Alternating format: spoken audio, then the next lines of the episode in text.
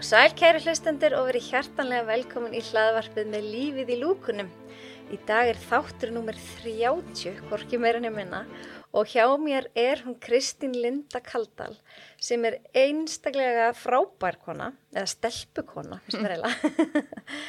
hún er strákamamma, hún er helsumark þjálfi, hún er viðskiptafræðingur og veit alveg ótrúlega margt um helsu. Verður velkomin. Takk kærlega fyrir. Falleg svona kynning. Já, þú ert svo margt. Ég er svolítið margt. Já. Og veit samt ekki hvað ég ætla að vera þegar hún stór. Nei, er það ekki ofta þannig?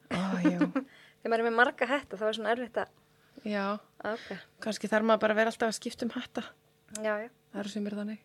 Sumum, sumum nægir eftir eini, sko. En ekki okkur. Nei, ekki okkur. En hver er Kristín Linda fyrir þá sem að ekkert vita? Ó, já, hver er hún? Bara,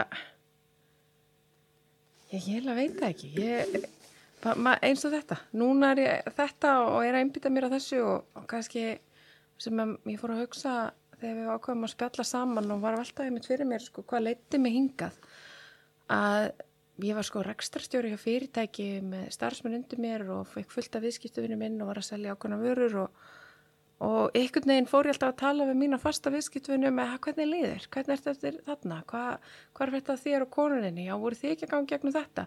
Og alltaf var ég komin þarna í spjallið eða ég var farin að velta fyrir mér heilsufarið þeirra og, og alltaf komið þessi menn eða konur aftur og við fórum og tókum upp þráðinn.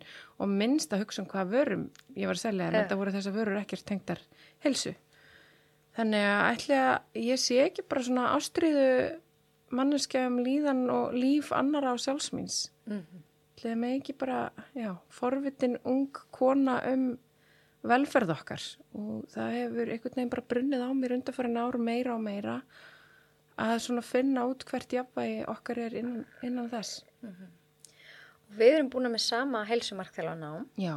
og hvað var það sem leytið þið í það nám? Var það eftir þetta? Já, í raun og veru, af því þetta hefur brunnið á mér síðan að ég sjálf var eiginlega búin að missa heilsu um, þarna árið 2009 og svo leys, þarna var ég stóði uppi búin að ný, ég og barsvæði minn hérna með elsta drengi minn sem er 15 ári dag eða verið 16 ára þessu ári, ótrúlega satt að þá stóði upp þegar hann var eins ás þá var ég tæp 100 kíló um, þarna var, þetta var rétt eftir greppu, þannig ég var atvinnulegs, viðskiptafræðingur, búin að búa í Kína í halvt ár og alltaf sko að segra heiminn, þið veitir hvernig þetta var 2007 og ég hugsaði bara með mig, hvað er ég að gera? Var ég heimilsleiknum að ræða við hann um ímskonar verki og vanlegan og annað og hann var að fara að skrifa upp á fyrir mig giktarlif og þunglindislif og ég hvað hann alltaf ekki að skrifa upp á fyrir mig og ég bara hugsaði með mér hann bara, er, hvað er þetta að gera? Og þá einhvern veginn byrjaði ég þess að vegferð að skoða heilsu, heilsufar, hvað er að valda verkjum, hvað er að valda vanlíðan, hver er rótin, hvað er, hver er mín ábyrð. Þú veist, ekki allra annar hvernig ég var alveg upp eða, eða hvernig mér ekki í skóla eða veist, hvaða vinahópa ég er í. Veist, ég fór bara svona að skoða mína eigin ábyrð á heilsu og þaðan kemur þetta í dag og mér finnst þetta bara að vaksa. Og já, Hvað fannst þér þú fá út úr þessu námi? já, spurninga. Já, þess að það, það að hafa síðan verið að rannsaka allt þetta, þá fannst mér þurfa einhvers konar, svo ég sletti svona einhvers konar plattform, þú veist, hva- ég get ekki bara sagt við hérna, nonna út í bæ, herru, það er bara mjög gott fyrir þig ef þú myndir skoða þetta hjá þér, ég er búin að prófa það, mér, það búið að reynast mér vel, mér fannst ég þurfa að hafa eitthvað vægi bak við þetta, mér fannst ég þurfa að læra meira, mér fannst ég þurfa að hafa eitthvað gráðu. Varstu þú búin að grúska mjög lengi í þessari heilsu? Já, mjög málum lengi. Áður um fórst, já. Já, mjög lengi. Og ég heyrt af nokkrum hér á landi hafa farið í þetta nám og þegar ég leiti yfir bara efnis yfirleitið á námi og vægi náms, þetta er dýrt nám, þetta er það mjög. Og þetta er misþungt, þetta er alveg svo akalega, þetta farið kannski grund í margt frekar en uh, djúft í, í, í lítið í þessu námi. Og það var það sem hyllaði mig að ég sapnaði mér alveg hellinga af efni í kringum þetta nám. Og eftir það þá vissi ég það svona, herði, já, ok, ég ætla, ég ætla að fara lengra inn í þetta.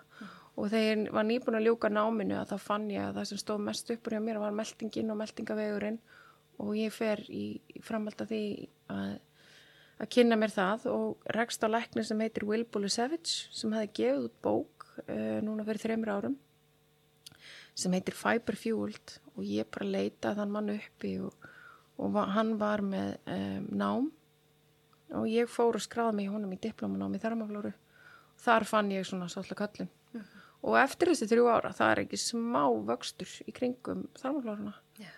sem að mér finnst náttúrulega bara alveg geggjað. Fyrst er meiri bara svona orðin meiri, vakning og vitund Vakning, og já, fólk er svona farið að vera forvitið býtu hvað er þessi þarmaflóra, býtu hvað er það já, ef við, bara einhverja hlusta veit ekkert hvað þarmaflóra. Já, Hvernig, hvernig einmitt. myndir útskýra það? Já, við erum með 38 trilljón örvera í okkur og sem umleikur okkur. Ef þú lítir bara á þaumalfingurinn á þér, það eru fleiri örverur á þaumalfingurinn á þér heldur en þessi fólk sem býr í London. Já, Hugsa þess. vá.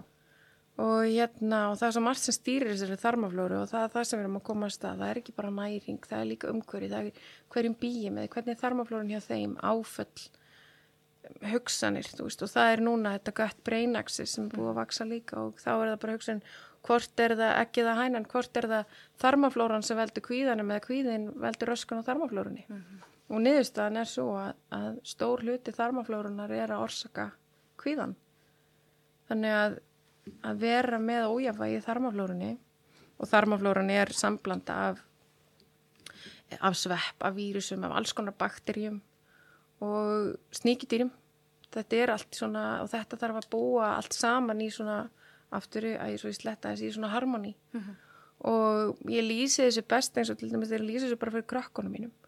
Að þetta er svona eins og á þú setur eitthvað upp í munnina þér og það byrjar að streyma neður vélenda og neður í maga og þaðan inn í þarmana ristilinn og, og svo niður að við erum að næra í þessari á bara bakkana, það er bara getur ímyndaðir alls konar gróður bæði í ánni og í kringum árbakkan að það er á, ákveðin slímhúð líka sem að verndar þig. Að ef að það er röskun þarna að þá kemur illt í ána.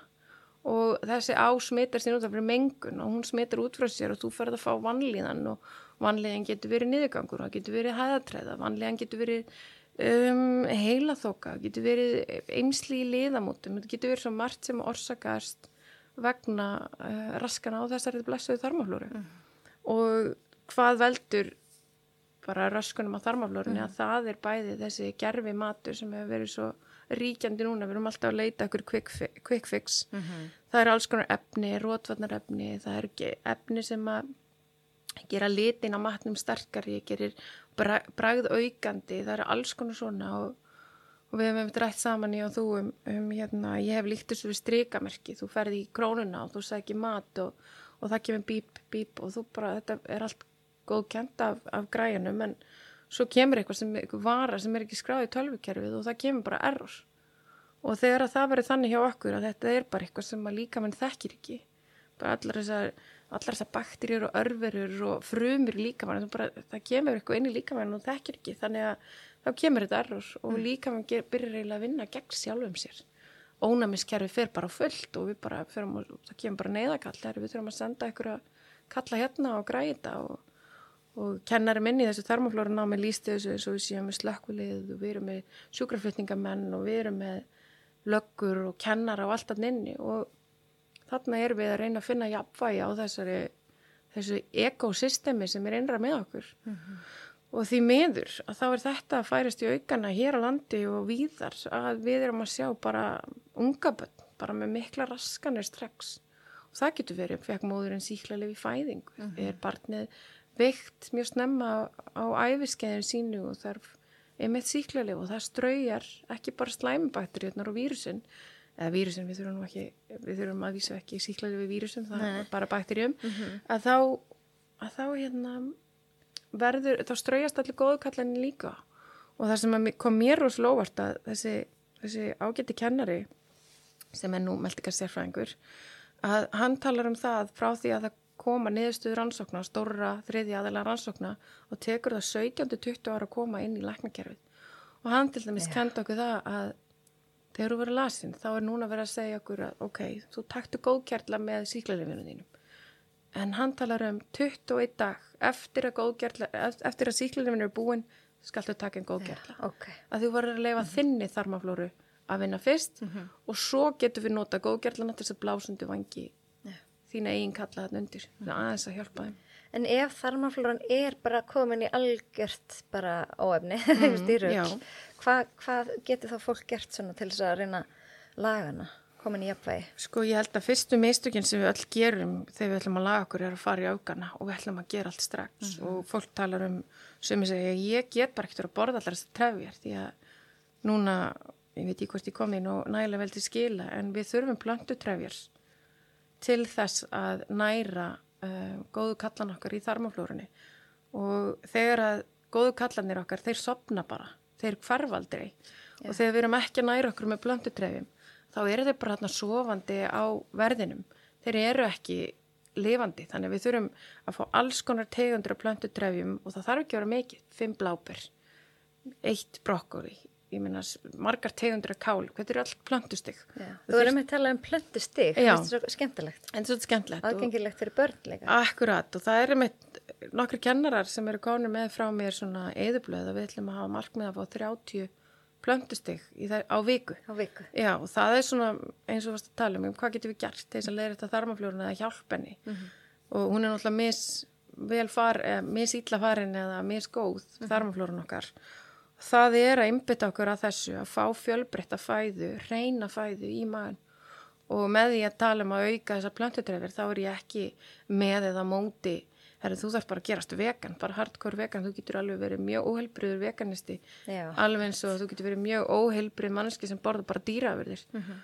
þannig að við þurfum að, um að gæta okkar ymmit á því að við erum ekki með og eða á móti við þurfum allavega bara að bæta einn góðu mm -hmm. og þá óselur að dettur hvað maður að segja, það slæma út mm -hmm. við skulum bara bæta inn í matur og einbytta okkur á því, mm -hmm. við ekki vera alltaf að einbytta okkur á hvað kúr við erum að vera á eða, eða hvað við erum að taka okkur á núna næstu tværvíkun, það er bara innliða í lífstílinn að borða eins marga liti og við getum eins marga tegundur og við getum og helst árstíðabundið yeah. og við erum aftur að tala um þessi 30 plöntistegarn á viku og þá erum við bara að tala um herðalskan við hérna er að skrambla hérna ekki fyrir börnin eða ræra ekki hérna fyrir börnin skulum setja hérna tvo liti með, setjum gúrku og papriku. En í kvöld skulum við þá hafa gúrku nei skulum við þá hafa kannski tómata, gullrættur um, eða eitthvað rótargramiti, næbu, karteblur alls konar svo leis Þannig að þessi 30 plöndu stig er mm. þetta 30 mismunandi tegundri Já, og borðum síðan þessa plöndu trefjars að þá nærast örverðnir á því og skila frá sér stuttum hvað maður kalda, short chain fatty acids. Ég veit ekki hvað, stuttar fétusýrir mm -hmm.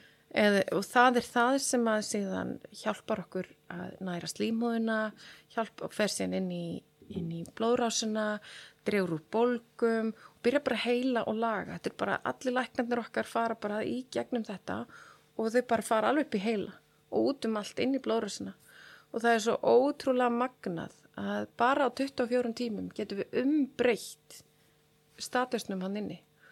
Og þegar við erum ekki að næra líkamann okkar af þessum plantutrefjum að þá byrja líkamann okkar því hann þarf þessa næringu. Hann byrjar með að borða slímhóðina byrja þess að örfur að næra þess mm. slímhóðina á þessum þarma veggjum og það er alls konar hlutir og ég get eitt svo sem löngu tíma, tíma ég næ, e, ræða kannski svona fræði máli kringu þetta en ég held að ég missi bara fólki í hlustun sko. En það sem mér finnst kannski bara hvað mér spennandi er að fólk kannski vakna til umhugsunar um þetta. Mm -hmm. að við berum sjálf svo mikla ábyrð og þetta þarf ekki að vera flókið þetta þarf ekki að vera erfið og, og að taka eitthvað kúr sem við kallum átök, það er átök og það sem kom í ljós hjá mér, ég meina ég byrjaði að prófa þetta allt sjálf, ég prófaði ketomataræði og mér, mér leið ekki vel að því, ég fór að skoða blóðflokkamataræði og þá kom reyndar, það var eins nökkutun sem ég gerði þar, því ég ræði alveg við ótalmagna fólkjum þeirra veljan, er að óblóðflokkur virðist þóla dýra afyrðir og kjöt, töluvert meira heldur en til dæmis A og mér finnst líka bara áhugavert og kannski þurfum að koma því hérna áleiðis að við þurfum líka eins og þarmaflóran er eins og fingrafar að við þólum mat misjaflega mm. og við getum, við getum þróað líka mann okkar í að ráða betur við ákvæmum tegundir að mat. Sumir get ekki borða hrátt brokkuli eða blóngar þau bara myndar svo mikið loft og annars líkt og þá þartu eins og kennurum minn kjent okkur taktu bara svona flísjara og flísjaðu bara gullrút taktu flesið, þetta litla, Já, já, borðaði það. Bara örskam örskömmtun. Og ég- að því það hef nú líka verið rætt hérna örskömmtum og sveppum og Já. að prófaði bara smám saman að vennja þinn líka maður við bara sem að gerir eiginlega við unga börn. Akkurat. Og það er það sama með hæðatræðuna Já. farðu á hverjum degi eins og, eins og börnin eru látin gera, farðu á hverjum degi á klósetti klukka nýju og reyndu ekki og alls ekki sitta á klósetin í 15-20 mínútur hálftíma. Það bara gerir engum gott. Prófaði bara, setti ég vel koll undir lappundræður, setti hnén upp. Og það er eitthvað sem að fólk ætti að googla sem heitir Bristol chart. Getur að sé hvernig hæðunar eiga að líti út og hvernig það eiga að vera. Og reyndu að ná markmiðinu þínu í, bara prófaði áfram með þetta markmiðið er að eiga auðvitað góður hæður á hverjum einsta degi. Já, þannig að það líður öllum vel. Já, ef að þarmaflóðan er í lægi Já. þá eru hæðurnar lægi 100%. Er þannig, og það er bara svo margt sem getur hjálpað og, og það sem við kannski vinnum mest með er það er magnesíum á kvöldin og það er trefjar á mótnana og chíafræði eru bara ælvi, það er svona eins og smörning með trefjuna þínum. Já. þannig að það er eiginlega það sem að maður kannski sem mér finnst svona mikilvægast að leggja áherslu á og vera já, vera bara í fjölbreyttu hreinu mataræði það sem að strikamerki í þínu líka maður þekkir. Já. og það er alls ekki einhverjar margar tegundur af vinsluefnum eða fra, verksmyndju framleitu mat. Það er Þú, bara bara... þú er rosalega mikið verið að tala um þetta á Instagraminu þínu, þessi Já. eiturefni. Já, þú veist hvað, eins og við erum aðeins búin að ræða nokkur, en ef við förum kannski bara svona dýbra í þú veist, hvað er það við erum aðeins búin að tala um gerfisætina en er einhver ein gerfisæta verrið eða betri, er þetta bara alltaf sama? Sko ég er náttúrulega búin að vera að okkar þekkir þetta. ta- já, algjörlega. Ég er náttúrulega búin að vera að tala ótrúlega lengi um gerfursætinu og fólk svona hnus bara, nennir ekki að hlusta á þetta sko. svo kemur mér til stuðnings. Alveg, ég myndi ekki segja frábæri niðurstöður, en það er frábært þegar eitthvað kemur í fréttum og maður er svona sko, sjáu þið? Um, og þá vil fólk oft trúa því. En það var einmitt að koma núna stór ansókt sem var gerð að það er það er það að það var kona í innbyrðir mikið, eða innbyrðir bara sætöfnir sem er í Pepsi Max sem að kallast aspartam eða asosulfam K um, Splenda eða Candiral að ef að kona neytir þess til dæmis að fyrstu þrejum mánuðu meðgöngu þá eru lík, meiri líkur heldur en þá eru lí, aukast líkurnar á því að þú eignast barn sérstaklega dreng með einhverju í alvöru? Já, og þetta var bara í fjölmjölu núna um daginn og ég er nefnilega orðin bara daldið smeg að sjá alla þessa drikki nokkuð var svo vinsælt að það komi svona 40.000 aðri drikki bara marka á eina við ári við sögur um heiminn og Íslendingar eru rosalegir í Já. öllum þessum orkudrykkjum sko. ég vildi bara óska að við varum aftur að fá bara kaffi hjá ömmu þegar við varum 15 ára og dífa kringlúti sko. Já, eða sigumóla, það er líka við skora það er skára, það er ekki líku það Nei, er já, það bara planta, sigur eru bara planta. Já,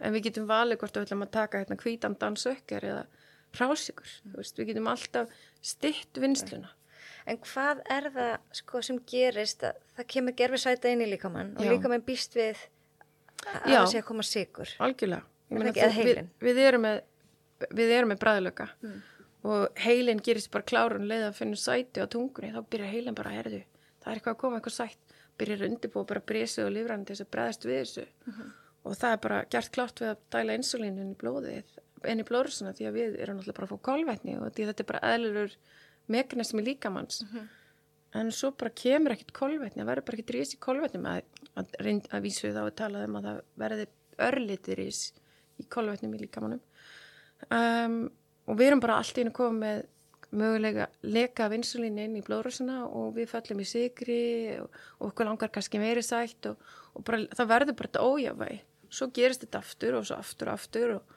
svo kannski ferð þú bara í fermingavislu og þú ætla bara að fá þig kranskuku og maristærtu og það bara líka hann bara herði ég ætla nú bara ekki að láta plata mig aftur ég ætla aðeins að býða og sjá hvort að þessi komin kolvinning líka mann mm. en líka mann fyrir að býða eins Ekki að setja insulín strax ekki strax af því að þú ert búin að blekja líka maður svo svakalega með þessu áreiti ef svo morði komast að þá byrja líka menn að högta þess þannig að það eru sein viðbröð og insulín fyrir of seint eða seitist of seint inn í blóðrásuna og þú ert komin í sigufall og þig vantar þá herð þannig þá líka mann kallar herði okkur vantar meiri kolvetni við þurfum að jafna blóðsikurinn og svona verður þetta kolla kolli.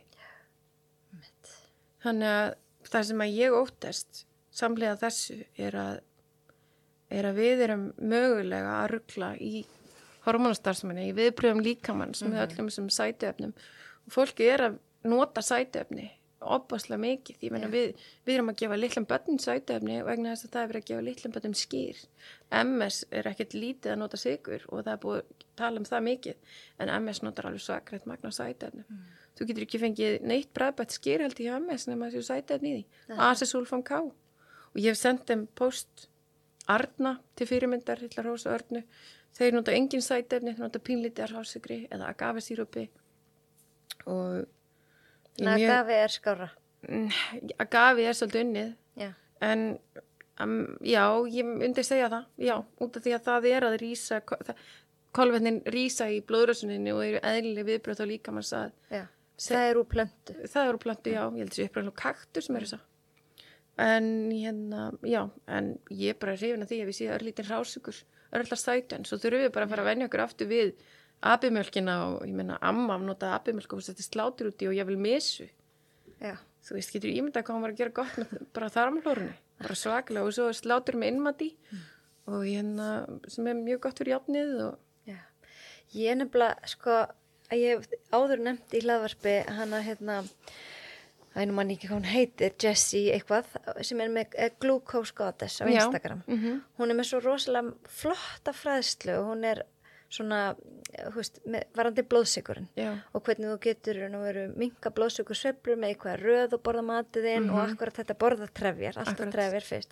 En einu sinni hef ég verið ósámælinni og það var þegar hún sagði að diet coke væri betur en coke Já, það er ræðilegt. Og veist, þetta er svo ræðilegt að því hún er með sko mörg tíu þúsunda fylgjenda, örgulega hundruð þúsunda. Og er að segja þetta að gerfis ykkur sé betri veist, ég, þá var ég bara nei, já. þá fór ég svona efast. Já. er hún að segja allt sem hún segja kannski björn, það er ræðilegt að heyra. Líka því að sætöfni hafa áhrif á þarmaflórunna þetta er raskar þarmaflórunni um, bara í efnaskiptunum mm. og það er það sem ég hef stóra ágjur á og þegar við erum með 8 kíló á bann og við erum með 80 kíló á mann þá er þetta bara ekkit sama málið sko Nei. En hvað er raskar sigur ekki þarmaflóðinni?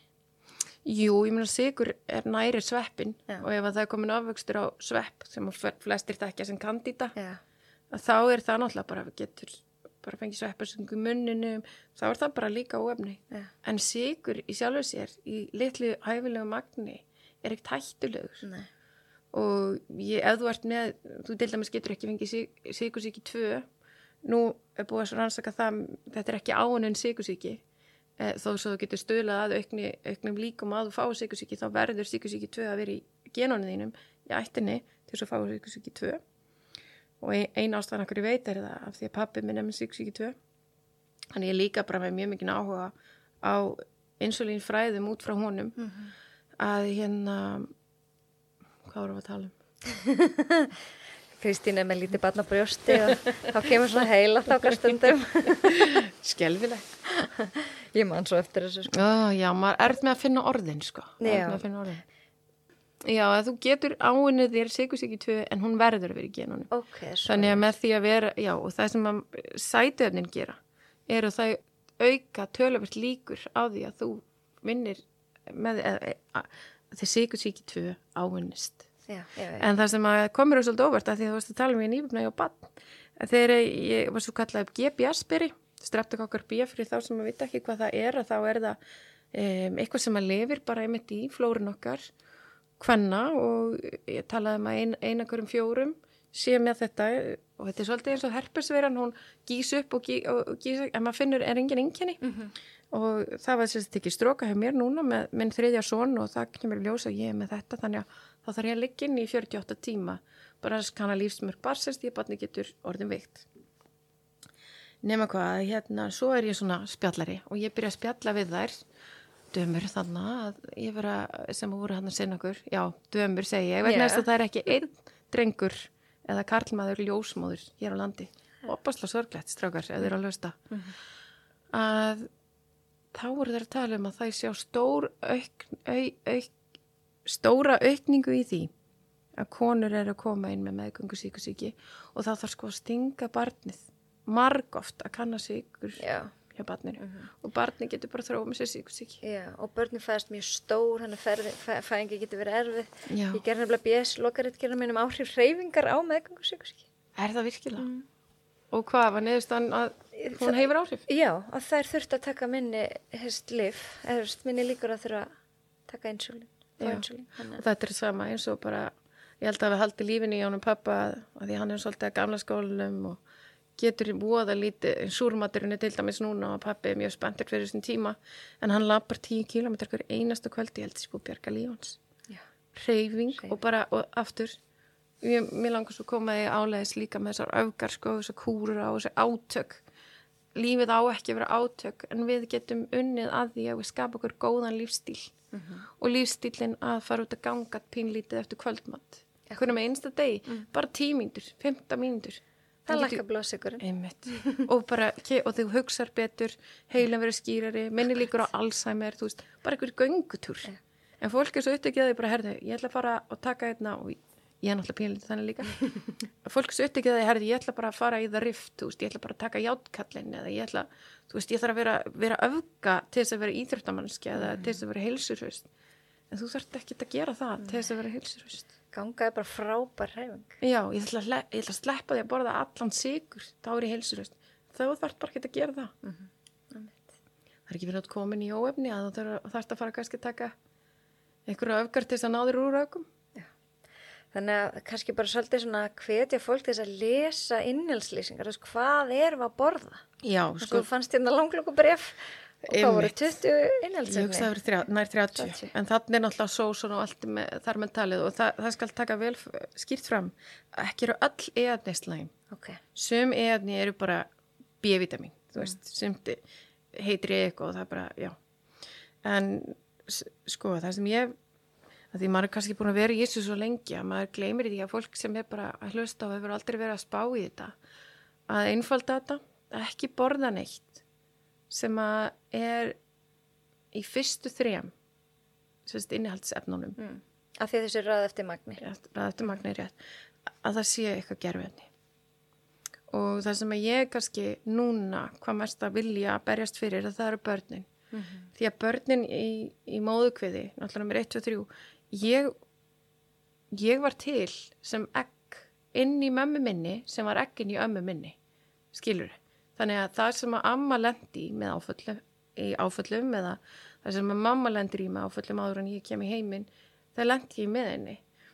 Þarmaflóra móðu minnar, ef að hún fætti mig í gegnum fæðingaveg, þá spreyjast svona þarmaflóru vökvi yfir mig alla og upp í mig og allt. Það er frábært. Þannig við þurfum að huga vel að keisaraböndunum, sjáum, er þau ok. Og meiri þess að sumstaðar í bandaríkinum, þá er verið að taka bómul og bleita í leikangum hvenna og reyna að setja upp í munna á börnum. Þú veist, það er alls konar svona, þú veist, sem fólk er að hugsa um núna varandi þarmaflóruna. Og þetta kannski verður til þess að ég sé hraustari eða heilbreyðari setna mér á æfinni.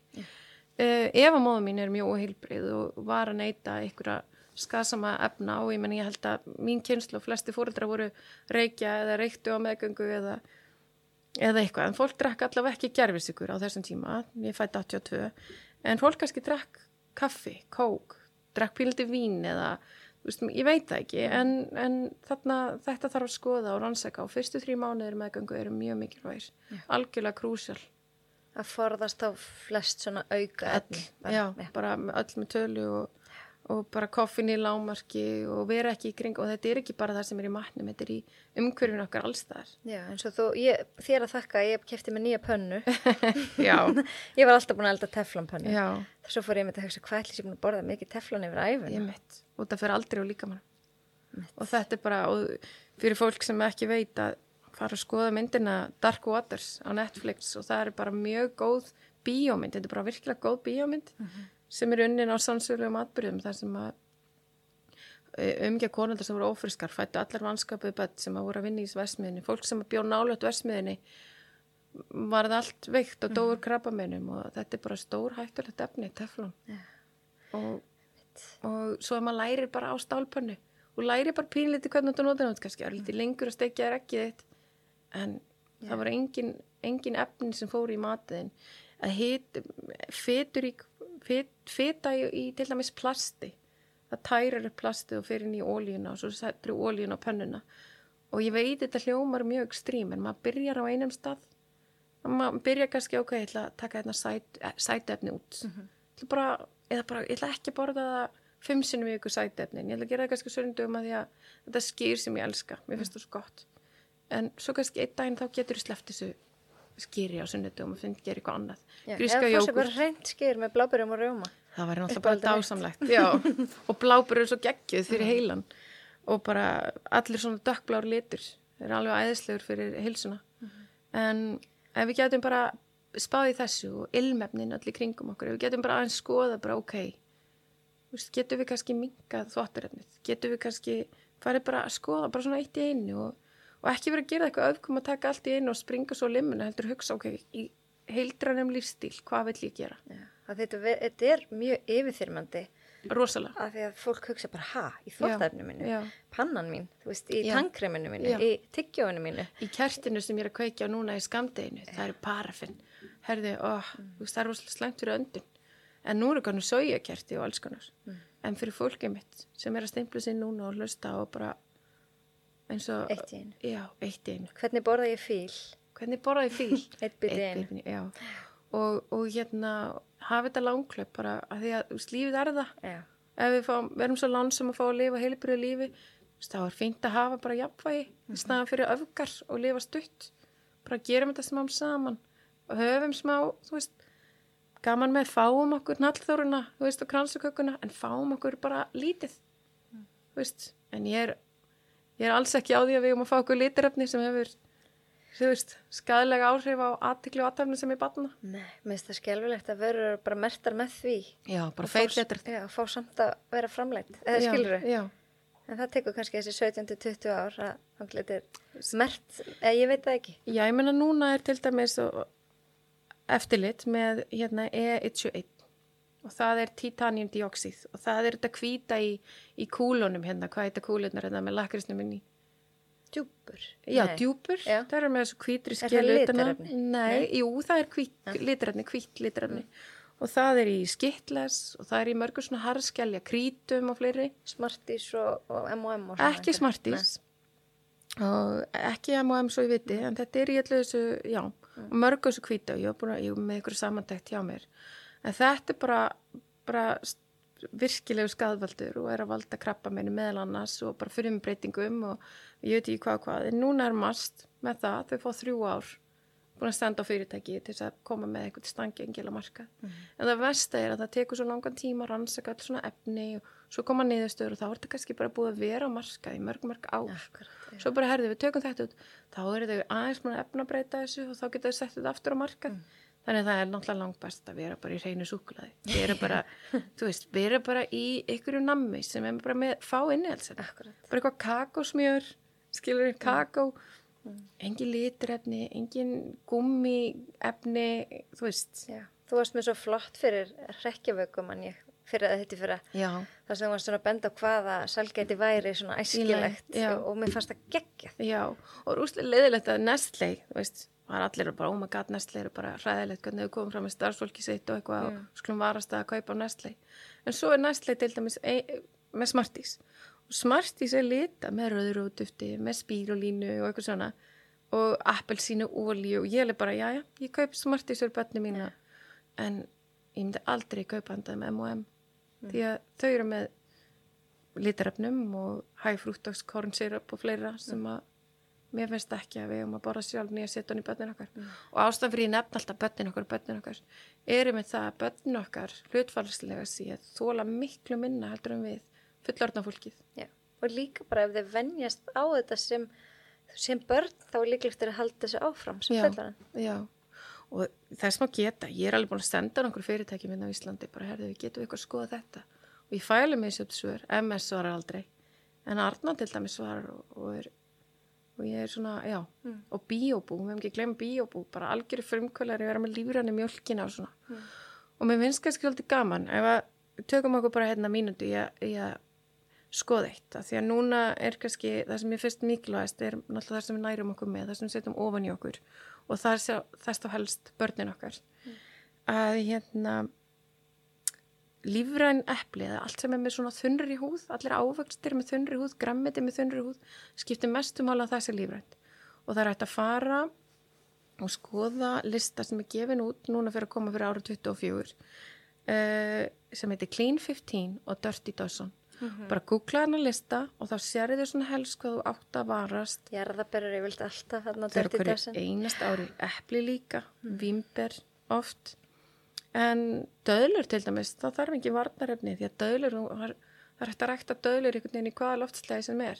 En til dæmis sojabönin, ég hef svolítið ágjörði því að því það er mikið núna um soja bæði sem dýrin okkar borða þannig að við borðum dýrin, þau sem borða dýr og svo þeir sem borða tofu sojabön, eða sojakjöt eða gerfikjötið að það er rægt að það eru yfirleitt úr sojabönum og sojabönin þarf að vera fyrst þarf hún að vera hérna umbreytt og svo, eða þess, plantan þarf að vera umbreytt svo hún geti þólað skortireitið þannig að það setja ræktana í miklu mæli því hún er svo viðkvæm þessi planta.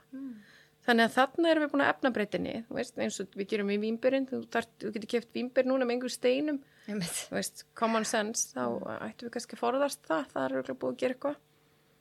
Og hérna, já, þannig að mér finnst mjög mikilvægt að við skoðum lífræna fæðu og ef ég myndum okkur bara núna því ég byrjaði nú að segja að við skulum taka eina mínútu. Ég myndi okkur hérna æjaxi bláa sem var notað sem gluggarhinsi þegar við vorum krakkar Það er ennþá til. það er ennþá til, en ég myndi að ég myndi spreyja núna á epli. Já. og ég myndi segja hann þurrkaði með tissue kannski. Ég myndi rétta það. Fáði bita, myndi þið langið Nei. Akkurat, og það er þetta sem við erum að gera á hverjum einstegi leikskólaböld.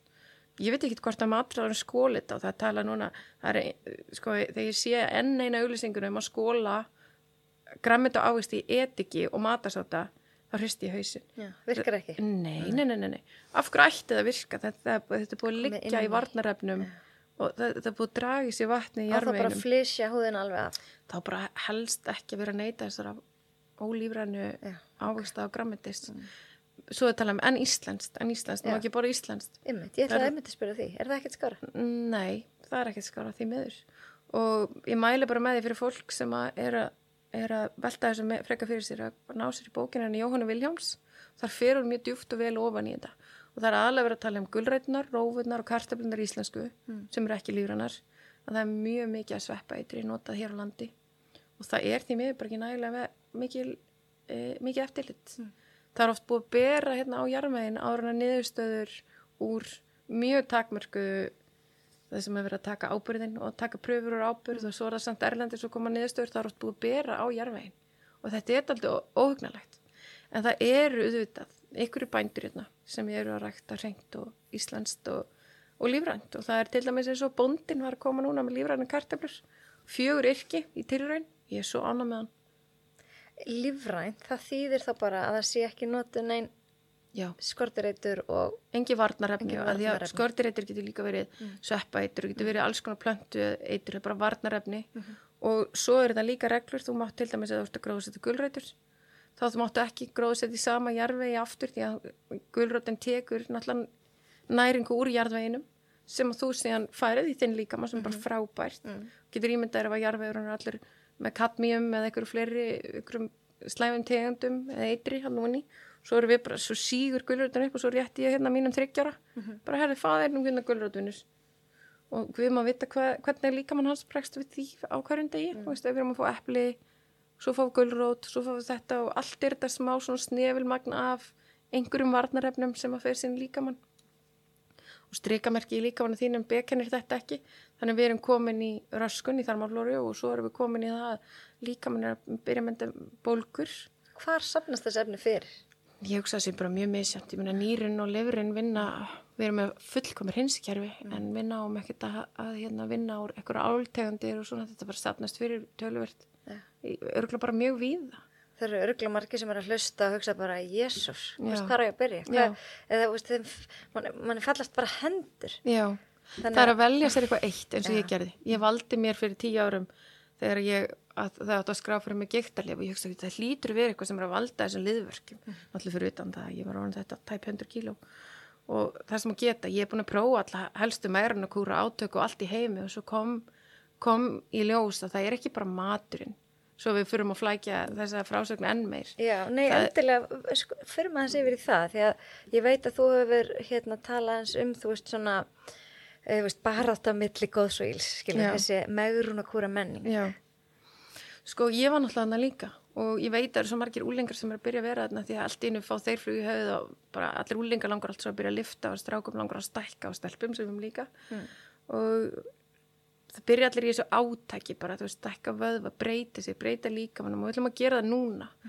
En það gleymist svolítið að kenna okkur frá byrjun, þú veist, frá því grunnskóla, ekki hvað er bara, þú veist, þessi heilbriða næring? Já. þessi hreina næring, akkur er ekki matresla, akkur við ekki að sleppa gerinu sem að næri sveppin og við erum að fara í súrdegi sem að næri bakteríunar sem að gerir okkur svo gott eins og margir vita, eins og súrkál og, og fleira. Að, að akkur erum við ekki að kenna krökkum þetta frá byrjun Já, búið til súr, búið til súr, Búið til súrkál, pikla og heimilisfræði kennara sem er að lögast Já, please, förum dýbra þarna, hvað er í lags? Förum yfir sjóeldi og lagseldi, hver er munurinn á þessu? Mm -hmm. Þetta er svolítið eins og búið í umræðinni, þú lærir eitthvað algebru eitthvað í starfið, akkur eru við ekki að kenna fjármálalæsi? Hvað er verbulga? Hvað eru, þú veist, fastirvextir og Það er nú aðeins byrjað, en, en ég, ummitt, en Já. það má alveg, Það má alveg, þannig að ég myndi nú segja að þegar að við værum þá komin á úlingsaldrin ef við hefum byrjað fyrir að kenna sjálfsvirðingu, hvað við setjum ofan í okkur er í raun og veru það sem ég áttaði mig á svona sengt á æfinni að vera þrítug að herra mig þykir ekkert sérstaklega vænt um mig. Þú veist, það var bara ég var bara með sjálfsöfnun ég átti ekkert kannski fullkomin bernsku ár skilnaða batn og, og lendi í daldi leðilegu leðilega matökum í grunnskóla og verandi rauð þar þá var kannski ekki toppurinn á tilverunni þó þessi alveg geggja í dag já, fallegasti rauði litur sem ég sé. Ó, takk elskulega. Já, ég tek undir þetta með þér. En það var bara, það, þetta er annað sem ég langar svo að að fara inn í skóluna með það bara, ó, hvernig læri ég að elska mig? Og þegar við erum öllum fullurinn, þá erum við með svona litlu okkur. Við erum með eitthvað svona, við erum með eitthvað svona í hjartanu, þú veist, ykkur svona litla útgáfa af okkur. Við förum í minningarnar og þegar ég var lítil eða þetta eða hitt. Og við þurfum svolítið að taka meira utan um þetta. Og við þurfum svolítið, ok, ef að mér þykir vænt um mig, þá ber ég virðingu fyrir mér þá bæði setja mörk á eitthvað sem er óholt í kringum með hvort sem að það eru samskiptu vín eða fjölskyldu um, ég set mörk á vinnufélagi eða vinnu umhverju mitt og fyrir að gera kröfur um eitthvað um, og ég fer svona þurfa að beita mér svona sjálfsaga eins og ég sé alveg bann þannig að þegar ég með langar að taka allan kúlupokan heima þá set ég mig og segja, herðu, þú veist, fimm eru nóg Kristín sko og ég þarf að taka þetta og það var þetta sem ég lærði þegar ég var hann að komin á veg bara herðu, hvað ertu að gera? Það bara fór ég að tala við mig eins og krakka hvað ertu að gera? Þú veist, þú ert að borða þetta óhaldla mat, þú ert að drekka þetta Pepsi Max, þú ert, þú veist ég reykti í mentaskóla Hreyfið þið lítið kannski. reyði mig ekki neitt sko og- í mentaskóla, reyði mig ekki neitt, það hefði aldrei eftir neina íþrótt, ég hef einhver badminton einhver tímabil. Og þetta var bara ekki þannig, þú veist, var ekkit mikið um íþrótta reyðingu þarna fyrir 40 árum eða 30 árum. Og allavega bara fótboltin kannski á strákurum, handbolti kannski eitthvað, fimmleikar eitthvað aðeins. En allavega að, þá stóð ég bara upp, ok, mér finnst svolítið óuppalinn mér finnst svolítið enginn hafa sett á mig mörg og ég hef ekki vilja mörg, ég er svolítið ákveðin krakki. Og ég bara, herðu, nú þarfst þú bara að fara að alla þau upp svolítið. Og ég fór bara að gera það. Ég fór bara að lesa mig til og ég fór bara að nota, ég veit ekki hvað er íslenska við common sense erla, hvað er það? Um, ég, það er ekki akkurat núna í kollunum á mig, kannski kemur það eftir. En að nota þetta common sense, þú veist, ef ég er að kaupa mat sem er í ykkur plastpakka, ef ég er að drekka bara endalist ykkur duftdrykki og ykkur koffindrykki og amino acid og svo er ég að, er ég að hræra ykkur dufti sem eru bleikt á litin og með klæri kinnarnar að því mér langar svo að fara okkur á æfingu. Þú veist, hvað er ég að gera? Að, veist, og svo er ég bara á æfingu og ég tek bara all in æfingu inn í klukkutíma og ég er bara óni það sem eftir í dags, ég get ekki labba, ég ætla ekki að tegja þú veist, það er bara svo margt. Þannig ég þurfti bara að fara að kafa ofan í þetta, taka út gerfisíkurinn ég byrjaði þar, taka út gerfisætinu því að það viðhjælt sigur löngun ég var algjörlega brenglað þarmaflóru, ég gæti ekki bara satt grammiti, án svo fóð illt í magan mm, ég var bara, já. Þannig ég þurfti bara að fara að þykja vænt um þessi stelpu því þá myndi ég aldrei bjóða upp á að henni að reykja. Ég myndi aldrei bjóða henni upp á að borða drasl. Og ég nota rosalega mikið þetta drasl, ég ætla bara að tala beint út, þetta er bara drasl. Og ef þú ert ekki drasl, hættu þá að koma fram með þig sem drasl.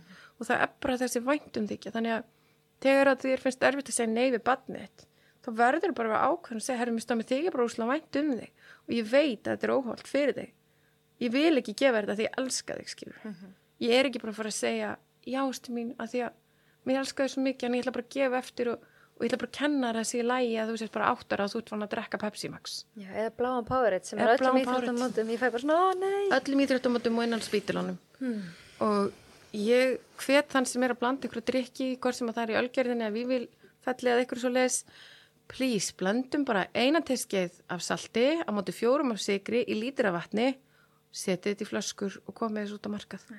Þetta er bara gegg getum sett smá læm út í þetta getum smett, krist smá, þú veist, eimað hindber eða eitthvað, lífran hindber sett út í þetta. Og kókosva. og kókusvatn það er það sem ég ekki að mínum börnum ef þeir eru lasin eða veik, Mm. En það er þetta þú veist, það er þessi steinefni sem þú vilt fá í líkamann þú vilt ekki fá þessar sjö tegundur af öllu hinu þannig í geiturritið mér finnst það eiginlega bara skelfilegt sko. Já, það var einhver að segja mér að það var líka öllu heimilum með mitt. já, já. Bara að þið þurfa einhverja svona skjóta næringu. já, en það er ekkert Þessi annað í búið litarefni eru bara ekki, ég held að fólk sé ekki byrjað að tengja. nei, Þetta er sko, ég er nýbúin að horfa á hérna, heimildamynda Netflix eða þætti. Hérna, The Twin Experience. Herri, ég var að klára þetta í gær. Ex- Hvað heitir það? Twin Ex Jú, Experiment. ég, ég held það Og þetta var mjög áhugavert. já, Ótrúlega áhugavert og það, hérna, ænú þetta alveg út hvað ég ætla að segja um vorum að tala um já, geiturritið og bara efnin líkamannum Já, og, já, það kannski kemur eftir. Ég? já, velkomin í heila Já, það, þetta er smittandi. Já. kannski kemur eftir. En ef ein- einhver er lausta, við á þess að þætti, því það var líka að tala um þarmaflóruna, ef við borðum enga plöndur, þá bara, þeir síndu svona myndrænt hvernig þeir borða þessa slímhúð. já, já, já það er mjög áhugavert. Og, og líka bara það sem að því þú varst að segja að góð, þetta sko ég horfði einsinni á viðtal við Dalai Lama og hann að Lady Gaga tala saman. Og þetta er kannski svolítið át þeirra að segja þetta en Lady Gaga talaði um það þau tvö voru sammála um það að mannkynni muni eiðilegja sig innanfrá. Og það þýðir að við séum að og fóru að ræða það að við erum að, við erum að skipta okkur nýr í svona litla hópa sem fyrir að berjast inn á við þú, þú vitið. Þannig að við fyrir að einangra okkur meira, við fyrir að takmarka okkur meira frá því að, að hérna, tilheyra og annars líkt. Og ég fæ alltaf illt í hjartað þegar veganismin og kjötætunar byrja að berjast á móti. Ég dáist að, að vegan, ég dráist að fólki sem er vegan að því það er að hugsa um dýravelferð. Já. En þegar að vegan maturinn er orðin þannig sem ég fannst að vanta í þessa Twin Experiment þætti. Já, oft litarefni og gerfefni og... oft gerfefni og ég er aftur, aftur ég er mjög hrifin af heildrænum plöntumat og ég vill hann sé með í, á hverjum einsta degi og svo veljum við prótengjafa uh, eftir, eftir því Já. hvað við viljum. Hvort sem við kjósum að borða dýr sem að ég myndi náttúrulega helst vilja að væri bara hérna lifandi í náttúrunni og, og líka um, um degja bara úr elli skilur. Um, en og bara helst svona, þú veist, eitthvað fjallalömb og dádýr og eitthvað en, en auðvitað er dýranýð alveg hræðilegt og auðvitað er að rækta skeppnur eins og gert í bandaríkjunum algjörlega hræðilegt. Eins og sést í þessum þáttum. og þessum þáttum já, og þetta er svolítið plöntum miðaðir þáttur en þetta er að koma í ljós með hverjir rannsóknir og fætur annari og fólk getur náttúrulega bara gert alls konar rannsóknir á sjálfum sér. En það er alltaf að koma meira og meira ljós að drasl er ekki það sem við erum að velja okkur.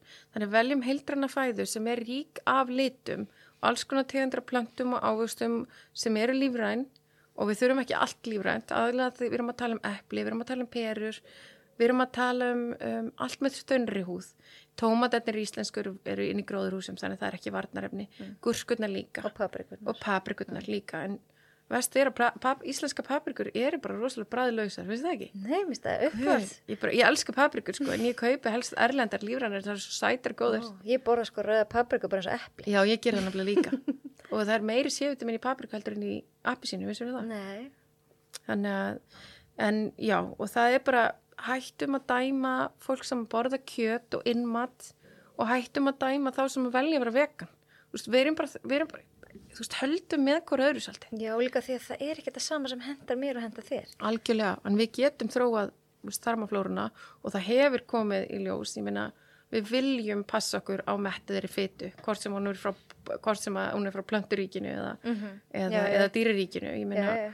og við viljum hafa sem minnst af einhverjum aukefnum í, í ofan í Já, okkur það sé minnst unnin mat. Já, og ég allavega, mínu heimili, þá borðum við dýr kannski tvisar í viku. Mm.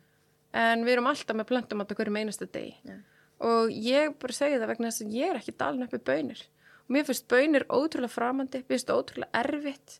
Bönir eru samt ódýrar stútfullir af trefjum, prótini, geggjari næringu. Margir fá svona miklu loftmyndun í magan þegar byrja að bora bönir að kerfið þekkja það bara. Já, og, það er í raun og veru bara því að þú ert að vekja örverðna einar. Já. En þú Já. mátt bara ekki gera það á frætt. Nei. að því að svo náttúrulega bara vaknaður til lífsins, þú veist, þarna er bara sjúkraliðandur að vakna, svo bara ert fann að borða kannski 5-6 bönir ef þú farið mjög vilt í maður, bara 5-6 bönir gera þetta bara svona þrjár vikur, bæta alltaf aðeins í, svo bara hann veist það, þú ertu bara fann að breyðja kvítkála og þú finnur ekki fyrir því, sko. og það er svolítið líkill og þess vegna er oft fólk sem að borðar mjög mikið að dýraverðum og kjötu og vil sleppa allir grammeti og ágstum og, og vilja meina að það sé svo slæmt fyrir insulínið og annað. Það hryggir mér svo mjög að, að það eru svo margi sem að sem er og meira sér svona sams, samfélagsmiðla einstaklingar sem hafa verið að tala um það að það sé bara gott að borða dýr og osta og eitthvað svona og, og vera ekkert að leggja áherslu á plöntumat. Og aftur ég er ekki að setja mig á móti því að borða dýr en ég er að setja mig mjög á móti því að sleppa plöntu, mat og ástum og græmdi því að við þurfum svo sann, sannlega, þetta eru bara þetta eru bara leiritingakallandir okkar. Þetta eru bara þeir sem eru að fara að laga bólgrana í líkamannum, en það fyrir einstakling sem er með röskun á þarmaflórunni sem á erut með að melta kjöð, nei, ást og græmiti það er svo innilega einstakling sem þarf að bæta það í þarmaflórunni sína en þeir sem eru að borða þá kjöt og dýrafyttu og annars lít og finna þá ekki tilnætt í að ég fæ enga loftmyndin og ég fæ ekkert svona og ekkert hinsegin. Ég er alveg vissin það að þeir eru einstaklingar séu stundum að, glíma við hæðatræðu eða niðurgang sko. Mm. og það, og það er líka bara sem fólk hefur spurt mig veist, hvernig heldur þetta út? Um, þegar þú ert að velja lífstílinn þinn að því lífstílinn þinn og minn er ekkit endilega eins. Veist, ég kannski bara held henni súkulega menn þú vilt helda henni ástagúmi eða skilur, það er svo við verðum að velja okkar eigin lífstíl eftir umhverjun okkar og við verðum að búa hann svolítið til smám saman. En ég spyr alltaf, ok, sérðu þig eftir fimm ár verið að gera það sem þú ert að gera í dag? Ef að svarið er já, þá ertu réttir leið. Ef að svarið er bara nei, aldrei haldið þetta út þá ertu á villigutum Það tók maður auðvitað of stort skref. já, þú ert bara á villigutum þú ætla bara að taka út 70% af matnöginum og bara halda þessu inni ég, ætla, ég ætla aldrei að borða sigur aftur og ég ætla bara, þú veist, ég ætla ekki að borða skilur, Já. þú veist, ef þú sérði ekki geta haldið þetta út í fimm ár þá, já En þú talaður um að þegar þú varst þarna stödd á þessum krosskötum og þú hefur valið að hérna, veist, breyta bara ykkur einu einu. En ég veit það er ekkit bara eitthvað, maður smellir ekkit bara Nei. fingri og það gerist. Jésús, nei Hvernig, veist, var þetta erfitt? Tók þetta langan tím? Já, þetta er erfitt eins og ég var að segja á þann, þú var svolítið að tala við sjálf eins og krakka. Það er erfitt fyrir úlinga að vakna mótnana you just gotta do it, þú verður bara að fara í skólan kallinn Já. þú veist, en þetta er erfitt, það er erfitt þegar það er ógislegt veður, ég hugsa þetta til pappa svo oft þegar ég nenni ekki að gera hluti eða ég nenni ekki elda mat, ég bara oh, ég bara nenni ekki elda mat, ég ætla bara að gefa bönnum ristabröð, nei, ég gæði ristabröð í gær. Ég verða að elda og þú veist, svo bara ferða að búa til góða lístil í kringu það. Ok, ef maður finnst leðilegt að elda mat ég ætla að hlusta á hljóðbóka meðan ég eldast og þú hefur verið að ræða varandi göngutúruna Erla, það er alveg rétt, ég ætla bara að hafa uppáhalds tónlist, ég ætla að hafa uppáhalds ég ætla að hafa krakkana með mér í þessu hafa þið bönni með í eldursinni leifið þeim að koma við, gefið ykkur hennan auka hálftíma, ég veit eru þreytt eftir vinnu, reynið að undirbúa svolítið vikuna, reynið kannski að hafa elda fyrir tvo daga og hafa afgangadag þriðja daginn. Þú veist, reynið svolítið að, já Einfald ykkur lífið. lífið en samt, þú veist, skeriði niður grammetið kannski á mánudegi fyrir næstu þrjá daga og þá ertu, ertu ekkert mál í að hendi eitthvað bara, veist, og ég er svolítið að fara yfir það á mínu miðli eða var að gera það, núna er ég búin að vera svolítið af mínu miðli að ég er bara búin að vera sinni litlu barni Mhm. að, þú veist, þá er ég svolítið búin að vera að kenna fólki einföldun Já. Þú Er veist, það Kristín Linda Kaldal á Instagram? já, já, já. Ég, hvort þessi Kristín þetta kaldal eða Kristín kaldal, er annað hvort hvort. Og, og ég hyggst gera meira því núna því nú fyrir ég að gefa þeim stutt að borða og ég ætla að leggja alla áherslu á það og hans þarmaflóru. Og já, og þetta var erfitt. Og ég þurfti, ég grenni alveg og, og ég gerði alveg mistök. Og ég gerði alveg mörg mistök en ég lærði af þeim og svo spyrði ég aðra, farið og spyrjið ég mitt þetta, svo, hvað gerðir þau svo bara byrjaði ég smám saman. Ég fór, mér fannst ótrúlega gaman að dansa þannig ég endaði spinning. Mm. ekki tónlist, nú er ég coach by color alltaf mér finnst það miklu flóknara því þá er ég að pæla ykkur um tölum og ég er að pæla ykkur, ok, þú veist, nú er ég á green zone og yellow zone og ykkur svona en svo bara endaði ég með að skrá mig í mannlega eftir, ég hef búin að vera spinning og fullum og svo gaman að hjóla og með tónlist og eitthvað. Svo endaði ég að skrá mig í Kíja Gullringin bara einn, 2015 Vá. Já, og ég fekk sko lánaðan barnahjálm frá vini mínum Bjarka sem er sko algjör fjallahjólari sjára á til hans bara. Og hann átti því svona trekkhjálm og ég keipti notað álhjól, ósla þungt reysir álhjól af vinkunum minni sem að hafi keipt það notað. Og hérna og ég bara fór kíja gullringin og ég bara drepast þegar ég var klár en ég kláraðan skilur, og ég bara svona yes í dag þá er ég töluvert flottari reysir og ég á treynir heima og, og hérna en ég, ég hef aldrei átt það eða prófað það eða gert það eða farið ykkur að fjallahjóla að fara með vinkunum mínum ef að ég hef ekki bara tekið skrifið að mæti eitt spinning tíma mm. þannig að það er að prófa sig áfram og ekki vera í leðilegri æfingu hreyfðu þið eitthvað pínleitið á dag og það getur verið að gera hnepir með litla batna í fanginu þínu mm. og það þarf bara að vera 15 mínútur, 10 mínútur til þess að byrja með mm. svo fyrir hreyfing að vera þannig hluta þín lífi að þú bara, herri kallið minn, ég verð bara fyrir göngutúri, ég er ekki að fara í þetta matabóðin ef ég fyrir göngutúri minn eða það er bara, þetta er bara svona eins og fyrir styrstu á mótnana, þetta er bara þetta er bara orðið dagleg, dagleg hluti eins og bustið sér tennunar mm. og það tekur 21 dag að vennja sig af ávana 21 dag þannig að þú reykir eða þú drekkur Pepsi Max eða ykkur skona gerfi drikk, ölgerinn eru að vera brjálið núna að ég sé að tala um þetta. Að bara í guðanabænum ekki drekkar eitt annað en vatn sóta vatn and that's it. Yeah.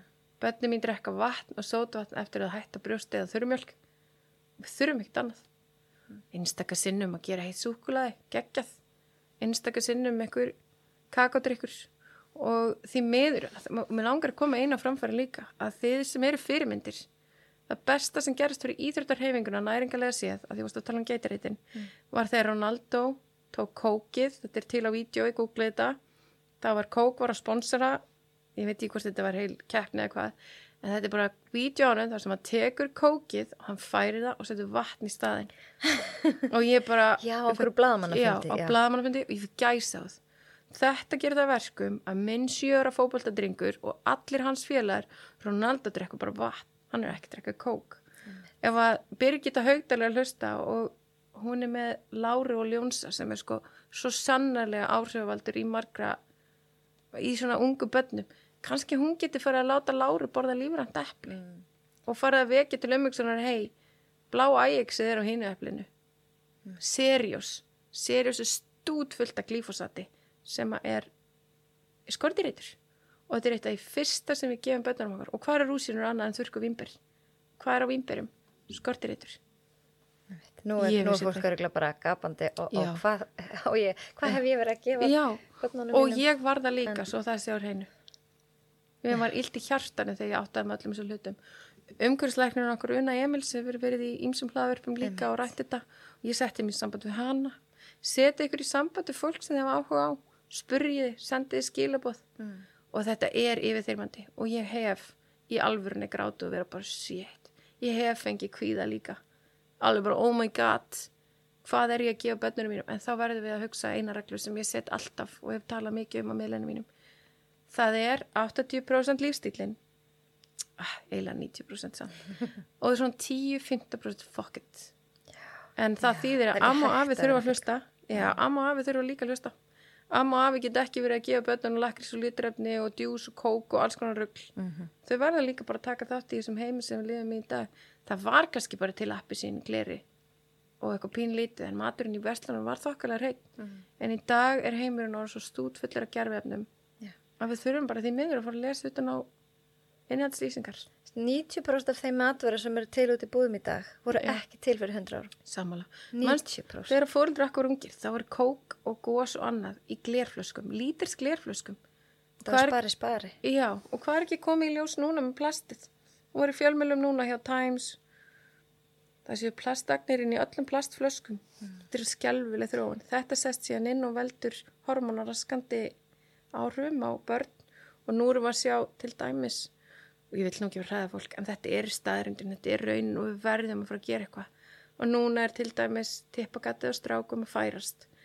Spöngin á milli pungs og enda þar er að stittast og stelpur eru að byrja blæðingum allt neyri 7-8 ára gamlar. Er þetta völdum hormonaraskandi efna? Já, þetta er bara plastið sem við erum að borða og í raun og veru bara gerfiðafni Þetta skiptaði verið í trébretti, skurðabretti, henda plastbrettana. Verma.is er að selja rosalega mikið og aftur ég er ekki sponsið á einu með einum en ég er bara grúsk og finn með hluti. Núna er ég til dæmis að pantaðu utan gler uh, mót til þess að setja í þýra fara að mauka fyrir litla barnið mitt. Þú veist við viljum ekki þetta plast. Já, gler pela varstu með það ekki? glerpilla, jú. Og svo bara foodgrade silikon ekkit öðruvís, ekkit eitthvað þú veist, ekki silikon eitthvað, ekki vera að kaupa plastdiskan á glösin og allt í IKEA fyrir börnin alveg kaupið já. Kaupið úr ykkur öðru. Eða jáfnvel notið bara gler. Þú veist, það er bara, við verðum bara að fara aftur, aftur tilbaka, mér finnst það ef þú spyrir mig hvaða matræði ég aðhyllist, förum bara aftur tilbaka. Förum bara að súrsa mat þú veist, förum að pikla hérna rauðlögin og gúrkurna og förum og borðum reyna abimjölk, helst lífrana hjá bíobú og förum að borðum reynt smjör, reyna ólífólíu, aldrei kaupa ólíu í plasti, bara gleri, þú veist, einföldum þetta bara svolítið. Mm. og sorry en þið þurfi kannski aðeins að undirbúku betur en maturum verður geggjaður. Og næringar innihaldið í matnum verður svo um töluvert meira. Gúrka sem er lífrann, neða gulrót sem er lífrann versus gulrót sem er ekki lífrann þetta er ekki sama næringar innihaldið En nú var ekkit svo mikið úrvala grammit af Íslandi fyrir, veist, þegar ömur okkur og afa voru yngri. veist, þá voru þau náttúrulega ekki að innbyrða þessum pl miklum plöntum. nei, nei bara hrásalat. Já, já, ég bruksum sko eins og helsan þeirra en nú kannski ekkit slæm, en það er kannski því þau voru ekki að fá þessi gerfefni gerfefni. ég held að það sé alveg rétt. Og ég hef oft hugsað þetta líka. Að, en það var súrmeti hjá þeim. Og það er bara að fá súrkál eða súrmeti og nóti beni það er hægt að kaupa gerfi súrkál af því þá er bara kálsett í já, þá, er þetta kál en í staðan fyrir að þessi gerjast og náttúrulegan hátt og súrkálselur það eða þú gerir það sjálfur að þá er bara sett etik og þú bara heldur þessi súrkál. Þannig að líka lesa innihaldslýsingar bara lesa innihaldslýsingar og ekki kaupa gerfudrasl bara ég til dæmis við á mínu heimili við kaupum ekkert annars algjörði heldur en það sé gert súkulaði það er ykkur skonar tegundur af súkulaði þannig að, jú, jú, bönni mín hafa alveg smakkað eitthvað gummi en það hefur ekki verið litarefni í því. Þannig að, og ég veit síðan að þau eru 18 ára þá velja þau bara sjálf. En ég bara hveti ykkur til þess að vera á erfið við bönnin ykkur segja nei. Það er ógslag gott að holda að fá nei því að núna þurfti ég að ala mig sjálf aftur upp. Ég þurfti að vera í alverðinu svona hörðu með hættu að setjast í sófan, drullar út. Þetta er ekki bóði og ég notaði þetta rosalega mikið, þetta er ekki bóði og eitt í einu Ég held að það er ekkit allir sem geta þetta. Sumir þurfa utan að koma til aðstof. Já, ég er alveg sammálað Þe- og þú veist, sjálfsægi er ekkit eitthvað sem fæðist með þetta er æft og það eru oft þegar fólk sem, sem á erfiðari æsku er oft aga meira eldur en hinnir þól, það er oft talað um það Mm. en ég, sem eitthvað með áfæll oft bara þegar eitthvað frangatastjórar að forstjórar eitthvað sem hafa tekið æra menn, já þessi nú eru með eitthvað áfallasögu Mm. og ég held að sko við getum æft okkur í öllu.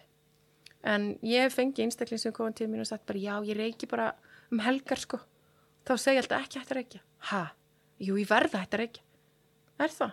já, já en þú vilt það ekkert nógu mikið. Jú ég verð bara að gera já en að verða og vilja er ekki það sama. Nei. þannig að ekki gera neitt nema þú vilt það nógu mikið. Og að þú getur allt eða þú vilt það nógu mikið. Og þú verður bara að peppa því svona. Og ég Finna þetta af hverju. Af hverju finna þetta af hverju. Af hverju vil ég ekki borða glífosat, af hverju vil ég ekki borða skördurittur jú að því ég ætla að vera 100 ára. Og ég ætla ekki bara að vera 100 ára til þess að ná aldrinum.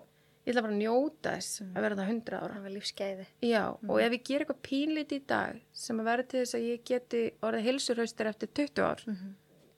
þá er það þessi verði en við erum því miður oft svolítið mikið í núinu okkur langar í þetta núna æ, ég ætla bara að fá mér svona bræðri núna í fyrir átakja mándaginn eða eitthvað en fáðu bræðrif fáðu minnstustærð, skilur ekki vera alltaf í átökunum fáðu bara bræðrif og settu kókusmjöl og blábur í hann en ekki setja þú veist, eitthvað. Eitthvað- eins og við af Íslandi, við erum lakrís sjúk og þetta er svo óholt lakrís Mm. þetta er alveg skelfilegt sko. en þú veist, ok, mér langar svo ótrúlega mikið í eitthvað sjoppu hambúrgar og lolla ok, fáðu þér sjoppu hambúrgar en ekki fáðu franskar. Borðaði hálfan. Eh, ég veit að matasóðun er algjör synd en ekki klára diskmiðinum ef þú ert með eitthvað drasl á diskmiðinum. Þú veist, fáðu þér pínlítið ekki endilega slepp öllu en veldu samt þitt af hverju þú veist, sleppt öllu ef þú ætlar að, þú veist, í eitthvað tíma ef þú ætlar reyna að ná að þér eins og ég, ég náði um 40 kílóum að slepptu hlutum í eitthvað tíma segðu sjálf þér, sannfæri sjálf Kristín, þú ert alveg að fara að fá þú veist, koktels og svo hambúrgur en einhver tíman setna en við ætlum ekki að fælja það núna. Þetta er svolítið að tala við krakkan í sér. Og ég lýsi ofta að maður sé bara með frekan krakka sem er í grenju kasti frekju kasti inni með þér. Og þú þarfst bara svolítið að róa hann niður. Já. segja hei, við erum að gera það saman. Við erum að láta okkur líða vel saman. Og það er svolítið markmiðið Mér finnst einmitt svo, ég, þú veist, þegar þú varst að tala um hennar frekju krakka, þá rifjast upp eitthvað sem þú setti einhvern tíminn inn á hérna Instagram þegar þú æ, bara nefndir ekki meðgöngu jókan. já, Þá, þá sagði það mitt bara, mér finnst þetta svo gott, sko, þú sagði þetta svo ótrúlega erfitt með að vera kjör, já, að þið finnst erfitt að vera í ró og huglega, já, en það er náttúrulega líka svo mikilvægt að æfa þetta og Já. líka þarna fórstu samt, já. Þóttu, og mér leið ekki verra á eftir. Nei. og ég held að enginn hafi ég held að engum hafi liðið verra á eftir þegar hann er búin að taka æfingu, fara í göngutúrin eða borða eitthvað holt og það er þetta að sannfara heilan á sér um svo margt. Ég ætla að fá mér þetta á eftir. Alltaf að senka því, ég ætla að fá mér þetta á eftir. Og mér langar svo ógislega mikið í hrískólunar sem er í nýskap, mér langar svo, eða bara í skuffum, mér langar svo í nógukröppu mér langar svo í þetta, mér langar svo hitt. Og þú bara treynaði það aðeins, Nei. poppaði mm. popp er algjörlega frjálst drengiti mínir og allir fá frjálst að gengja poppi. Og við kaupum lífræna bönir og við poppum ótrúlega mikið. Og við blöndum saman eh, bara lífrætni ólíu eða óliólíu og við blöndum saman smjöri, íslensku smjöri. Og ég held að ég held að við getum ekki í nú, núverandi heimi ætlast til þess að við borðum 100% hreint.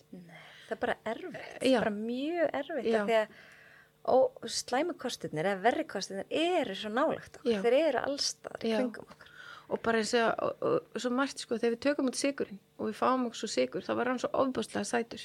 Við erum svo samdöina því sem við erum búin að veist, við getum alveg endur forritað okkur og það sama með þú veist ilmefnin heimi okkur. þegar ég kem heim til sem að vingurum minna með ilmstangirnar alveg hæra vinstri og þú veist ég er alveg bara, nei, nei, nei, nei þetta er svo hormonaraskandi, takt þetta í burtu. Ilmkertin um, ilmefni í klósutunum þvottarefnin, Ariel alveg bara svona angandi og þú verður bara samdina þessu. Svo ferði allt í að þvó með ilmefna lausu eða sonnet hérna þvottarefninu sem við erum farin í núna. Ég var ekki þar. Og nótu benni alltaf þessu var ég ekki, þetta er allt sem ég bara búin að læra og eins og við vorum að tala hérna þú veist, ég er kannski ekki búin að gangi gegnum það að læra næringafræði og, og fara, en ég kynnti með það. En mér langaði ekki efnafræðina. Mér langaði í næringafræði, mér langaði í sem ég á örglegt er að læra setna með, mér langaði að læra að rækta. Hvaða efni eru í matnum mínum? Þú veist, hvað er í grammendinu ástunum og nú er maður bara búin að sjálf læra þetta eins og vorum að tala um aðan, prjónakona sem æfir sig að prjóna er bara orðin rosalega færa eftir tíu ár. Ég tel mig vera bara orðin okkur færa almennt um, um þessa hluti. Og þess vegna leifi ég mér að segja þetta. Ég leifi mér að segja, herðu hérna liðverkinn er þú ert með þú veist og þú ert að breyða hérna parkutín yfir eða panadil eða, eða hvað svo sem er og heila þín og meldingafara tröflun þín og bakflæðið þitt og öll þessi röskun og, og hæðatræðin og allt svo þessi, má ég aðeins, má ég aðeins? Og exemið, þú veist, Lilli minn var með exem sem bann og ég alveg, hm, áhugavert, akkur er með exem, það er röskun og þarmaflóru, skulum við fara að taka þetta í gegn? Og við gerðum það og tókum út ákvæmna hluti og bara allt í einu er drengurinn exemlaus og meðal annars að vísu var það sítrusávustir og tómatar af því það er svona acidic. Og hérna og svo prófa maður sig áfram. Tekur aftur inn og setur inn sítruna eða, eða ávustinn eða, eða kveitið eða eitthvað. Núna er til dæmis rosalega mikið glútin óþólsæði það er rosalega erfitt að greina það að þú sett með glútin óþól það er mjög mikilvægt að við, við tökum ekki eitthvað út sem gæti verið gott fyrir okkur og glútin er bara alls ekkert gott, slæmt fyrir okkur. Þannig að að taka út um, Hann er bara verið svona sökudólkur. Hann hefur verið Einhvern svolítið sökudólgur en það er kannski kasta- sökudólgurinn að þú setja að borða hvít kveiti sem er ólífrænt þú veist og ég held að fólk sé oft með kvilla því að það er bara að, að setja í sig mat sem kannski er ekkert mikið eitt og sér en þegar það safnast saman Mhm. að þá ertu bara komin í óefni. Já. En nú ert þú í fæðingarólafi. Já. Hvað er svo framöndan eftir það? Ætla, ert að taka að þér fólki við töl og ráðgjöf? Já, ég var með svona undir lokin alveg þangt til ég fór á fæðingadeildina þá var ég með tvær sem ég var svona aðstóða við sjálfsagan og, og litlu, að heila litlu stelpuna það voru tvær konur innra með þeim. Og þú getur ekkert laga það sem það er öfgar í matræðin ef þú lægir sársökan innra með þér og það var eins og ég að nefna á hann með mig. Ég hætti að hafna mér og þá fór ég að heila mig. Og hérna og við erum svolítið þar við erum í þessum óheilbriða lífstíla þá erum við svolítið bara í í að auka á okkar einn vanlegan sem við myndum annars ekki gera ef við værum í lifandi væntum þykju. Og sjálfs ást og það er eitthvað sem ég mun halda áfram að gera. Mér langar að fara kannski víðar með fyrirlestra. Mér langar að fara inn í skólana. Ég er búin að vera potast í hjallastefninu þar sem að svona minn er. Ég er búin að fara að fund með bóa sér frangatastjóra þar og og ég hefði ekkert að mótið að fara inn í frangatastjórn eins og til dæmis á svona fyrirtæki eins og hjallastandan er. Og fara bara og kenna börnum ástíðabundi grammeti og ávöxti og, og kjöt og læra að gera kjötsúpu eða, eða beinasóð eða, eða kenna þeim um, um sojabönir og veist, það er svo margt sko, það er svo opasla margt í planturíkinu sem er svo geggjað og innmatur er til dæmis líka alveg góður en ég ætla bara að koma því beint út hér núna E. coli 157 í hrári lifur er stór hættaldur börn það er rosalega núna rosalega vöxtur í því að vera að borða hráa lifur og hrá, hrátt kjötmyndi er rosalega slæmt inn í þarmaflóruna. Það eigur sníkitýr og annað og við, við viljum ekki fara þangað. Þannig að já. En mér langar að fara kannski bara inn í eitthvað bæfélag eins og bæfélag sem ég bý í og vera með eitthvað svona heilsu vitund þú veist, fara, akkur er maturisla í skólum ekki, akkur er það ekki að elda ofan í krakkan okkar? Akkur er skólamatur að fá að koma með bakkamat í mjög líklegast plastbökkum eða örslíku sem að eimast inn í matin okkar eða, ég veit ekki. Hvað er í þeim mat? Um, ávöxtunir okkar. Af hverju erum við ekki miklu meira vakandi fyrir það að ungu börnun okkar fá lífrana ávöxti af hverju erum við með grjónagraut sem er uppfullir af arseniki þú veist, af hverju erum Er við það í öllum hrísgrán? já, það eru að vísu eru, líf, eru lífrann hrísgrjón sem um, eru til sem að fast meðal hans í netto uh, frá Angelmark. Ég hef keft grautargrjón frá þeim og þá þarf maður alveg að rannsaka ok, hvar eru þau samt ræktuð? Þó þau séu lífræn veist, og ræktuð kannski asískri mold þá myndi ég samt ekki velja það. En ef það er framleitt í Evrópu þá myndi ég velja það. En ef við erum alveg raunsæjar, já, heldur þetta sé, svo ég sletti, doable að snúa sér þróun við? Sko ég held að eins og með lífið, við, ég held að við hefum aldrei að reyna að vera fullkomin en ég held við ættum að reyna að einbytta okkur að því að vera í framförum. Og með að við að við séum að setja peninga inn í alls konar sprungur hérna í heilbríðiskerfinu þá erum við aldrei að byrja á rótinni. Hvað þurfum við að gera til þess að þetta verði ekki áframhaldandi vandamál að hér séu um, börn á Íslandi í ofþyngd og ég er ekki, ekki að tala niður til einstaklinga sem eru vel í holdum, alls ekki. En ég veit að börnum líður ekki vel, vel í holdum, að þau get ekki hoppað eins hátt, þau get ekki hlaupið eins rátt, Eh, þau sofi ekki eins vel. Já, líklega er að fá allskyns líka bara sjúkdóma og Algjörlega, kvilla. algjörlega, en sumi eru bara þykk í sér, sko, bara með, þú veist, bara sterk krakkar, en ég er að tala um alveg, sko, börn sem, börn sem að fá ekki fötar sig. Um, fullorðnir sem eru orðin, orðin, orðin þannig að þau þurfa að kaupa sér tvö flugstæti. Þú veist, hvert erum við komin ef við erum komið þangað? Og svo ef við tökum það til hliðar og við hugsum um aukningu á hormonaraskandi eða hormonaði taugaþróskaröskun og þá erum við að líta á aukningu í einhverfu, ADHD hvert, þurfum við ekki eitthvað að fara að skoða hvaðan er þetta að koma er þetta plastefni í umhverjun okkar þú veist, og þarna aftur um, ég get komið með hálftíma fyrirlestur um hvað það er ilmemnin og, og rikið og allt þetta sem að við erum að finna bara svona örplast í eða veist, er þetta maturinn, er þetta samblat af öllu? Er þetta hraðin, er þetta skjárin, erum við að láta börn horfa skjá alltaf snemma?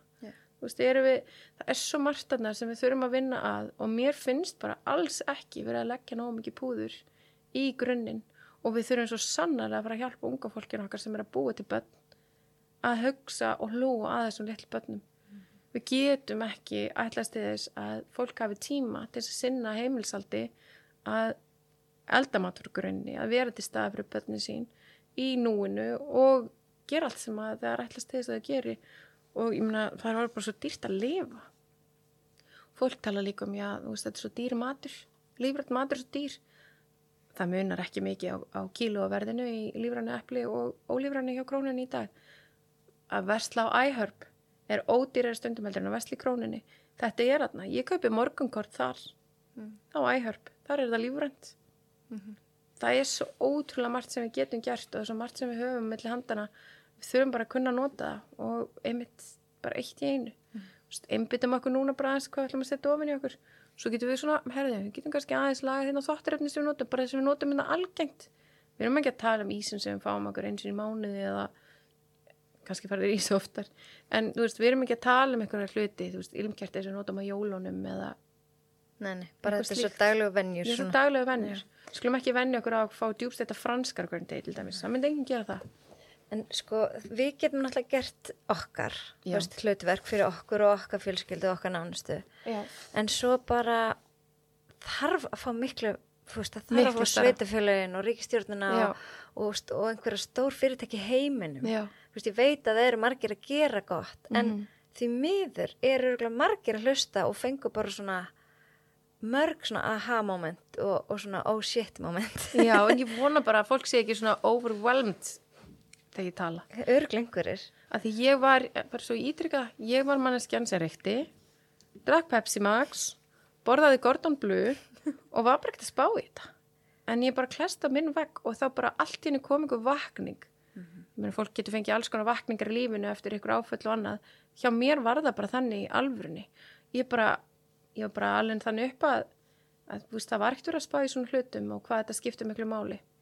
En mér finnst þetta skipta öllu máli í dag og ég, mér finnst ég bera sem mikla ábyrgð á því að koma þessum upplýsingum til barnana minna og vernda börnum mín frá þessu að svo þau geti, þú veist, valið sjálf setna mér.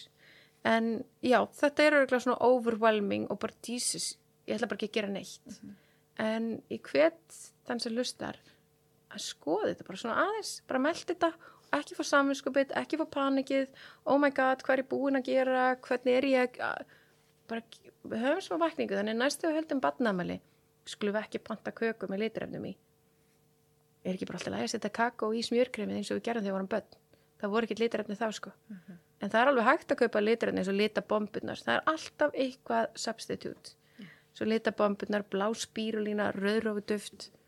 Já. En ekki gefa, gefa þér það að snúðurinn í bakarínu sé meinlaus.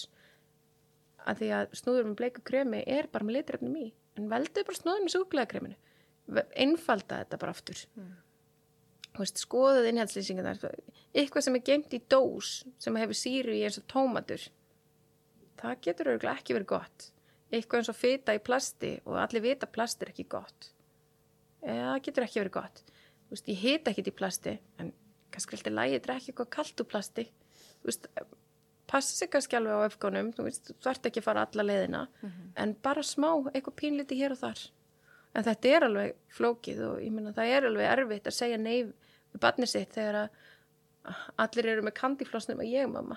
Já. Eða þú veist, fóreldarfélagi tók sér til, til og, og það er allt inn í raukt og blást, eitthvað squishy dæmi, þú veist, í, í, í útskriftin í leikskólanum, skilur og maður bara svona horfir og, maður, og ég sem er búin að kynna mér þessa hluti, ég fæ bara svona áttar þig á því hvað þú ert að gera, en fólk bara heiti gaman. Já. Og ég, veist, ég, þetta dætti í hug núna að þegar stelpa mín var sko örgla 5-6 ára eða eitthvað. Þú veist, það er langt síðan. Þá man ég að það var bara eitthvað, vá, við settum sko hérna, rauðan matalit í mjölkinu til að bleika mjölk Já, í ammælinu. Það var, þú veist, það fannst manni gegga eins og þau Já. hugsa þetta núna, bara ég. En þú veist, maður vissi náttúrulega bara ekkert betur. En, en það er ennþá verið að setja matalit í grjónugrötina og bleikum oktober og, og, og einhverjum svona dögum. já. Veist, að, leika slaufan og alveg varna krabba mér eins og bara ding já, að svona, hérna.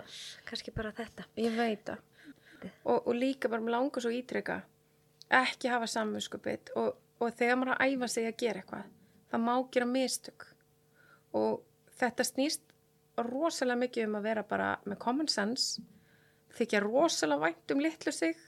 Þannig að þegar að þú ert að fara að taka frekjukastið að taka utan um sjálfan sig og stundum þá sérstaklega ég held að þetta eigið dóldi mikið við konur.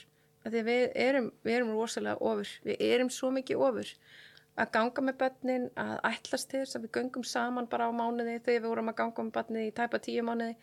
Og, og við ætlum að hafa heimilið fullkomið að því að það er svolítið ennþá inn í okkar genum. Þetta er stolt sko að bera fram fallet heimili og, og líka maður og hafa börnin reyn og fín og allt þetta.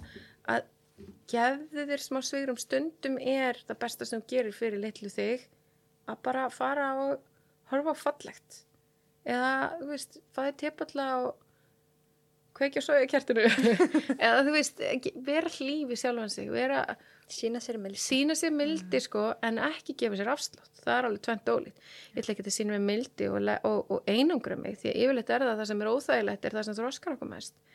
En mér finnst svo mikilvægt að því að ég vild heldur ekki í þessu viðtali sem ég hafi svolítið ágjur af því ég á það til að vaða frá einu fyrir annað að ég vildi heldur ekki að fólk fengi bara svona bara guðminn almáttugur mér langar bara að fólk bara hugsa eins og, og mér langar að þegar ég verð mamman og kem og segja hei, þetta slössi er ekki í lægi, þetta er blátt og raut að annað fóreldri segja hei, ég er sammála ég er búin að kynna mér þetta eins Já. að því það stóð bara aftan á einmitt pakningunni hefur áhrif á aðtikli og aðtækna sem er batna. Þannig að já, þannig þú ert að meina að mataliturinn sem er í þessu hafi áhrif á taugabóð til heila barsinsmís, já, ertu að þá til í þetta? Nei. Ég kalli þetta ekki krab, heldur crap. Þetta er bara crap. Og ég er rosalega duglega á miðlunum mínum þó ég sé kannski velmáli farin hér í þessu viðtali. Segja hlutin eins og það eru. Þetta er bara drastl er batið þitt drastl? Nei, ekki gefa þið þá drastl og ég er ekki að segja eitt korni eftir eitthvað mót sé eitthvað. En þegar að batni mitt sem að þá fimm að vera sex ára gamalt í köruboltamóti fekk prótein pönnuköku í velun og gjafabrif hjá Just Winging It þá er ég bara, nei, veistu það, eitthvað erum að gera nátt. Og það er þetta eins og þú veist að tala með kallinina, þarna langar mig að koma inn. Þarna langar mig að við bara tökum okkur nokkur saman sem erum þarna. Vandamálið er ekki innmatur og, og baráttan milli góðs og íls í veganheiminum og kjötheiminum. Baráttan er í gerfidraslinu og e- sem er að stúta okkur sem án saman. Og að við segjum við mast, hei, það vantar fleiri starfsmennin í mast til þess að gera meiri kannanir á því hverju jarðveginum á Íslandi af hverju eru við ekki með allan okkar jarvarma að flytja út grammeti eins og Holland flytir út? Ég held að þessu átján flugvilar sem fara með túlipana um alla Evrópu á hverjum einasta degi í Hollandi. Af hverju er Ísland ekki að rækta grammeti og ávegsti og flytja út um allan heim í hverjum gormi búðum bara í París? Þar eru bara lífrænt ræktaðar ávegstir beint frá Íslandi með okkar vatn.